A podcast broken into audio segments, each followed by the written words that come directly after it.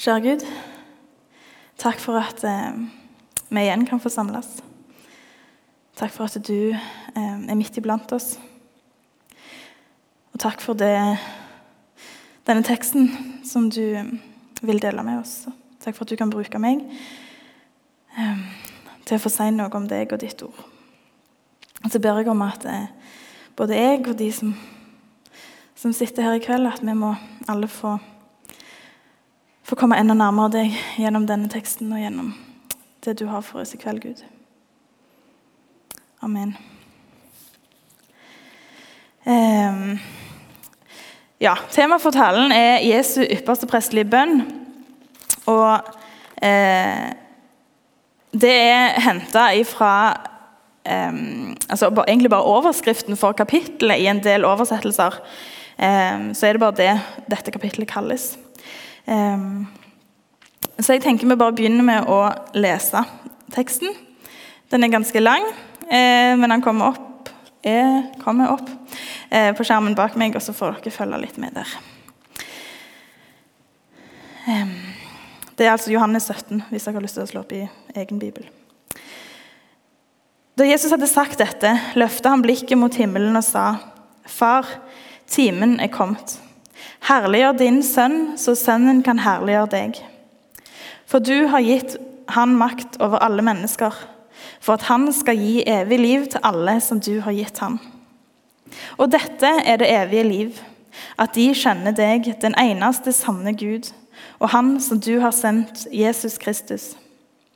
Jeg herliggjorde deg på jorda da jeg fullførte den gjerning du ga meg å gjøre. Far, gi meg nå din herlighet, den herligheten som jeg hadde hos deg før verden ble til. Jeg har åpenbart ditt navn for menneskene du ga meg fra verden. De var dine, og du ga meg de, og de har holdt fast på ditt ord. Nå vet de at alt som du har gitt meg, er fra deg. For jeg har gitt de de ord som du ga meg, og de har tatt imot dem. Nå vet de i sannhet at jeg har gått ut fra deg, og de har trodd at du har sendt meg. Jeg ber for dem. Jeg ber ikke for verden, men for de som du har gitt meg, for de er dine. Alt mitt er ditt, og det som er ditt, er mitt, og jeg er blitt herliggjort gjennom de. Jeg blir ikke lenger i verden, men de er i verden, og jeg går til deg.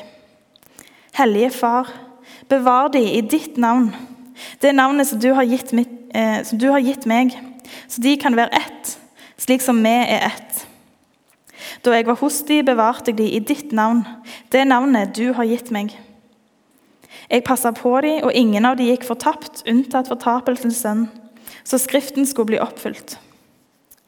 Nå kommer jeg til deg. Men dette sier jeg mens jeg ennå er i verden, for at de kan eie min glede i fullt mål.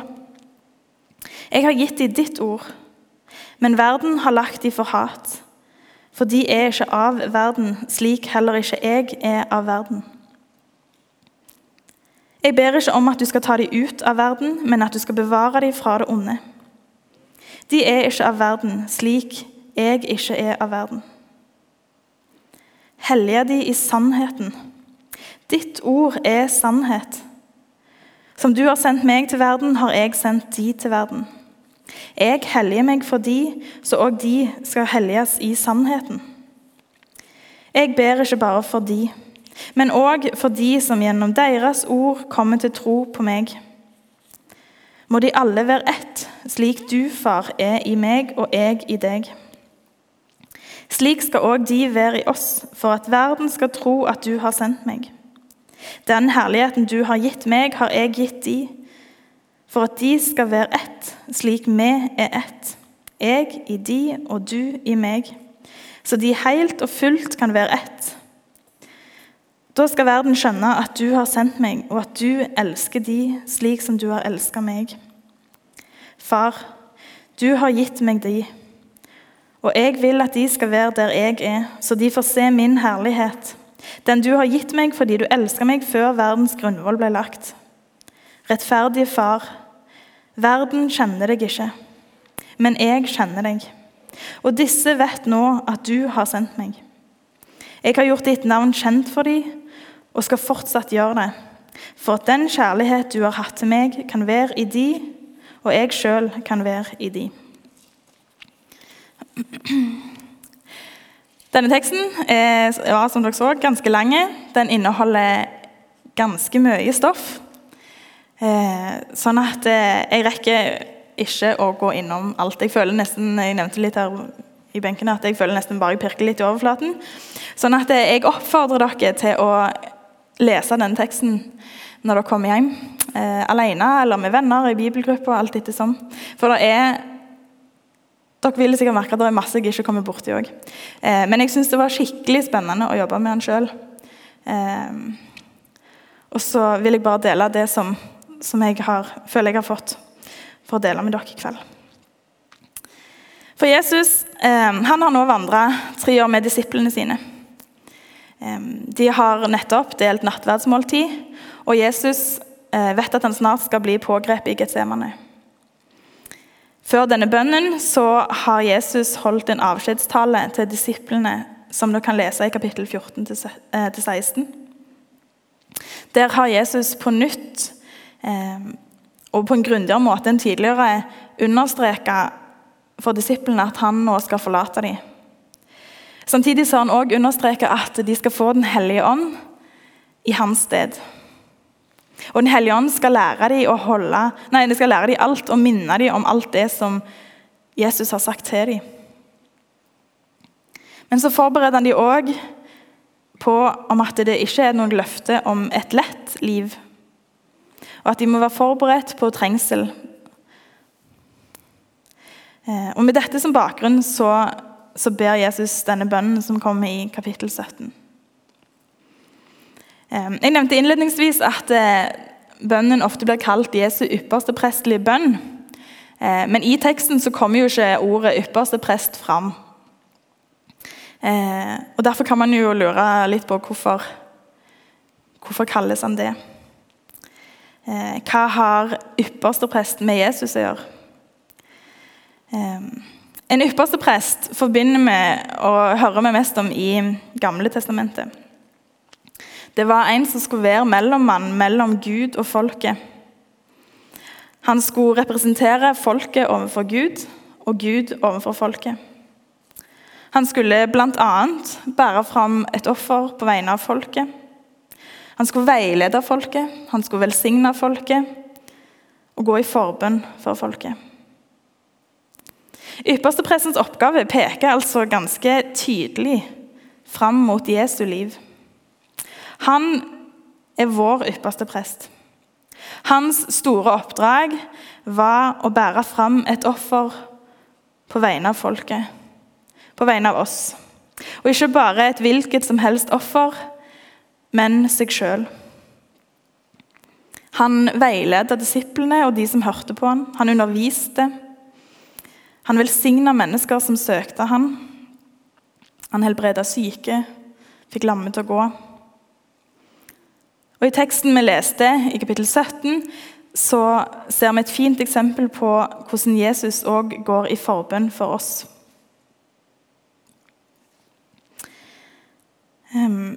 Teksten starter likevel med at Jesus ber for seg og det oppdraget som han skal gjennomføre. Og Teksten bruker flere ganger ordet 'helliggjøre' i ulike former. Eh, og På gresk så er det ordet 'doxa'. og nå eh, Jeg er litt usikker om jeg uttaler det rett, men i hvert fall ish. Eh, jeg var aldri spesielt god i gresk. Eh, selv om jeg har litt, eh, et par studiepoeng i det. var det rett? Jeg fikk tommel opp. det er bra. Men Poenget var i hvert fall at ordet er gresk, og jeg er ikke så veldig god i gresk. Eh, så jeg måtte ty til det jeg er litt bedre på, Google. Eh, og etter noen Google-søk så fant jeg ut at ordet 'doxa' altså betyr herlighet og ære. Og at det er snakk om den stråleglansen som Gud omgis av. En av historiene i Bibelen hvor vi kan se et glimt av denne stråleglansen, er når Moses er på Sinai-fjellet og får møte Gud. Han får ikke se Gud. Men det står at når Moses kom ned til folket igjen, så lyste det av ansiktet hans. Fordi han hadde talt med Herren. Denne stråleglansen vitner om Guds ære. Et syndig menneske eh, kan ikke se en hellig Gud uten å dø. Derfor kunne ikke Moses se Gud. Og Slik kunne heller ikke yppersteprestene gå inn i det aller helligste uten å ha gjennomført en renselse. Guds hellighet handler om at Gud er annerledes, unik og opphøyd over alt annet. Og hans hellighet beskriver hans renhet og moralske fullkommenhet. Han er fullkomment god og helt fri fra alt ondt. Alle hans andre attributter må beskrives i lys av hans hellighet. Hans rettferdighet er hellig. Hans nåde er hellig. Hans kjærlighet er hellig. Hans nidkjærhet er hellig. Og sånn fortsetter Ekko. Han er hellig, og det han gjør, er hellig. Guds herlighet viser oss at vi har med en hellig Gud å gjøre. Jesus sier i bønnen her at han har herliggjort Gud eh, på jorda idet han fullførte den gjerning som Gud hadde satt han til å gjøre. Og nå skal Gud òg herliggjøre han. Jesus har gjennom sitt liv og sin vandring med disiplene og de som fulgte etter dem, vist hvem Gud var, hvem Gud er. Og ikke minst gjennom sin død og oppstandelse så har vi fått se Guds herlighet. Jesus har vist oss hvem Gud er i all sin glans, og han har vist hvem han sjøl er. For òg han er herliggjort. Han er Gud. Og av Guds nåde og av det Jesus gjorde på korset, så er vi frelst. Vi som tror på Han. Og vi får del i, et, i det evige liv sammen med Gud. Og så sier teksten her hva som er det evige liv. Nemlig at vi kjenner Han, den eneste sanne Gud, og Han som, utsendt, eh, og han, som han utsendte, Jesus Kristus. Vi kan nå forstå ansikt til ansikt med en levende, med den levende og allmektige Gud. Han som fortjener all ære og lovprisning. Og Så kan vi gå tilbake til teksten igjen, og så ser vi at Jesus vet at hans time er kommet. Men før det så ba han altså òg en bønn for disiplene sine. Han ber om at de må bli bevart i troen, på samme måte som han har bevart de mens han gikk sammen med de. Han sjøl skal snart forlate de, og de skal få Den hellige ånd i hans sted. Gjennom troen på Han så er de ikke lenger av verden, men de er i verden. Og Jesus vet hva som venter de. Jesus vet at verden kan hate dem, og at de kommer til å møte motstand. Likevel så ber han ikke om at de skal bli tatt ut av verden, men at de skal bevares fra det onde. Han ber om at de må bli hellige i sannheten. Og hva er sannheten? Jo, det er Guds ord. Det er Bibelen. Jesus ber om at de må få ha Guds ord som rettesnor i livet. At de må få leve liv som er etter Guds vilje. Og at Guds ord må forandre dem, sånn at de kan få være vitner om hvem Gud er til verden. Og så synes jeg også Det er så fint det med denne bønnen at han starter med å være en forbønn for disiplene og de som hadde gått med Jesus på denne tida. Men så utvider Jesus bønnen til å òg handle om hele Guds menighet. Oss inkludert. Jesus ber også for dem som ved deres ord kom til tro på meg. Vi har kommet til tro fordi noen fortalte evangeliet til oss. Og de kom til tro for noen fortalte evangeliet til de. Og Sånn har Guds ord og historien om Hans nåde spredt seg gjennom verdenshistorien. Fordi noen gikk, og vi fikk høre. Og bønnen som Jesus ba for disiplene her, den ber han òg for oss. Jesus bruker også mye tid på å be om at vi som Guds menighet må bli bevart, sånn at vi kan være ett, slik som Gud og Jesus er ett. Ett med hverandre og ett med Gud. Bibelen har flere eksempler på hva det vil si at Guds menighet er ett, og hvordan det kan se ut. Vi har vintreet hvor Jesus er stammen, og vi er greinene, som vi kan lese om i Johannes 15. Og I 1. Korinterne 12 kan vi lese om hvordan vi som Guds menighet er Kristi legeme, og hver enkelt av oss utgjør lemmer på det legemet. Og vi snakkes ofte om som familie, som brødre og søstre. Alle disse tingene har til felles at vi er ett. Gud har skapt oss til å være fellesskap. Fellesskap med hverandre og med Han. Men ikke, Jesus ber ikke bare om at eh, vi må bli bevart som enkeltmennesker i troen, men òg at vi må bli bevart altså som dette kristne fellesskapet. Som hans vintre eller legeme eller familie. Som hans menighet. For den motstanden som disiplene blir advart om, finner vi flere advarsler om i Bibelen. Som Jesu etterfølgere blir vi alle advart om at det å være en Jesu etterfølger kan føre til forfølgelse og motstand. Og Selv om vi som kristne her i Norge, i motsetning til en del andre eh, områder i verden, møter lite direkte forfølgelse, så tror jeg vi alle kan kjenne på det at det er utfordrende å være kristen. Det kan være vanskelig å være kristen. Vi møter motstand på forskjellige måter. Når djevelen forfølger Guds menighet, så er ikke det alltid i direkte fysisk forfølgelse der noen er ute etter å ta oss. Men djevelen kan òg prøve å trenge inn i fellesskapene våre og skape splid mellom oss som søsken.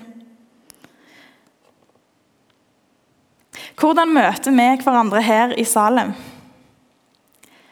Hvordan møter vi kristne som kommer fra andre menigheter? Hvordan snakker vi om hverandre? Og hvordan snakker vi om kristne i andre menigheter? Behandler vi hverandre som lemmer på samme legeme? Tar vi vare på hverandre? Eller fokuserer vi av og til litt for mye på uenigheter og forskjeller som kanskje i det store bildet ikke har så mye å si? Jeg har i hvert fall tatt meg sjøl i å være kritisk. Til tider for kritisk til andres teologiske standpunkt eller meninger om hvordan ting skal være. Men For noen år siden så fikk jeg være med en del i en organisasjon som heter Åpne dører, som jobber eh, blant eh, og med forfulgte kristne. Og jeg ble mye mer bevisst på hva for et privilegium, men òg hva slags fallgruve det er. At vi har så mange ulike muligheter eh, på hva menighet vi vil velge å gå i. Et privilegium fordi at vi fritt kan komme sammen og møte Gud. Eh, og vi kan få ja, prise Gud på så mange forskjellige måter. Vi kan velge å vrake i stil, type forkynnelse, lovsang, sosialt fellesskap. Vi kan velge hvordan kirkebygget vårt skal se ut, nærmest. Eh, vi kan velge å finne noen som har omtrent den samme teologiske retningen som oss. Men så kan det òg være ei fallgruve fordi vi kan bli oss sjøl nok. Og vi kan bli for kritisk til andre. Og så har jeg vært nødt til å utfordre meg på dette. Og Tenk hvis jeg hadde bodd i en by hvor vi kun var fem kristne. Det var ingen andre kristne rundt. Men så var eh, en av oss lutheraner, så var en av oss metodist, og så var en av oss pinsevenn, og så var en av oss frikirkelig, og så var en av oss presbyterianer. Skulle vi da gjort sånn som vi har nå, og hatt hvert vårt kirkebygg, og hatt hver vår menighet, og sittet for oss sjøl og eventuelt òg kritisert andres eh, syn på en del teologiske spørsmål. Jeg kjenner i hvert fall at sjøl så er jeg så avhengig av kristent fellesskap. At hvis vi kun hadde vært fem stykk, så kunne ikke det stått i veien. Jeg hadde trengt noen å lese i Bibelen med. Jeg hadde trengt noen å lovsynge med. Jeg hadde trengt um,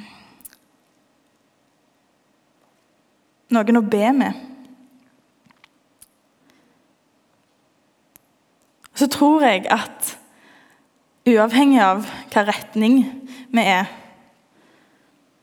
Så lenge vi tror på Gud, som vi får lese om i Bibelen, så lenge vi tror på Jesus Kristus og vil leve livet vårt for Han, så er vi lemmer på hans legeme.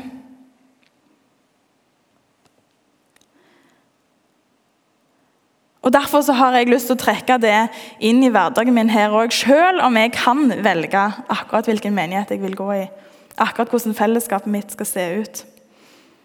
Så har jeg lyst å se på kristne i andre menigheter som mine brødre og søstre. Jeg har lyst til å kunne be med dem, jeg har lyst til å kunne lovprise med dem. Jeg har lyst til å kunne lese Bibelen med dem. Og av og til legge til side det vi kan være uenige om. Vi er ett med hverandre og med Gud. Men jeg mener ikke at vi aldri skal kunne diskutere eh, hva, Bibelen, hva, det som står i Bibelen, betyr. Men Det betyr ikke at vi ikke skal få lov til å rettlede hverandre. Og Det betyr ikke at vi ikke skal få lov til å ha ulike fellesskap når vi kan. For som sagt så tror jeg det er et privilegium. At vi kan få ha det så fritt som vi har. Men jeg tror at enheten som det handler om, er mer om hvordan vi møter hverandre. Og hvordan vi fremdeles kan tenke på hverandre som familie, selv om vi møtes i forskjellige fellesskap. Jesus avslutter bønnen med å be om at den kjærligheten som Gud har elska Jesus med, skal være i oss. Guds kjærlighet er som Gud hellig. Den er fullkomment ren, og den er fri fra alt ondt. Den er uselvisk og ubetinga.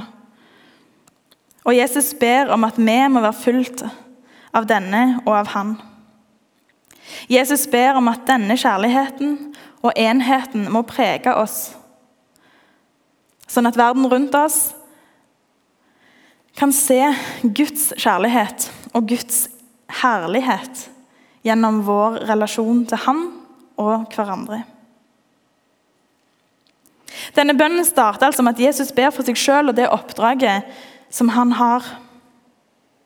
Og Deretter så går han i forbønn for disiplene sine og de som var rundt ham der og da. Og så ber han videre for hele Guds menighet. For de som har kommet til tro etter at evangeliet er forsynt videre. Han ber om at vi skal bevares, at vi skal helliges i sannheten i Guds ord. Og at vi skal leve som ett med Han og hverandre. Gjennomsyra av Guds kjærlighet. Og så har jeg lyst til å bare be helt til slutt. Takk, Gud, for at du har gjort det mulig for oss å leve et liv sammen med deg. At vi skal få et evig liv sammen med deg, at vi skal få kjenne deg, Gud. Jeg ber om at du må bevare oss, og at du må gå med oss. Hjelp oss gjennom motstand.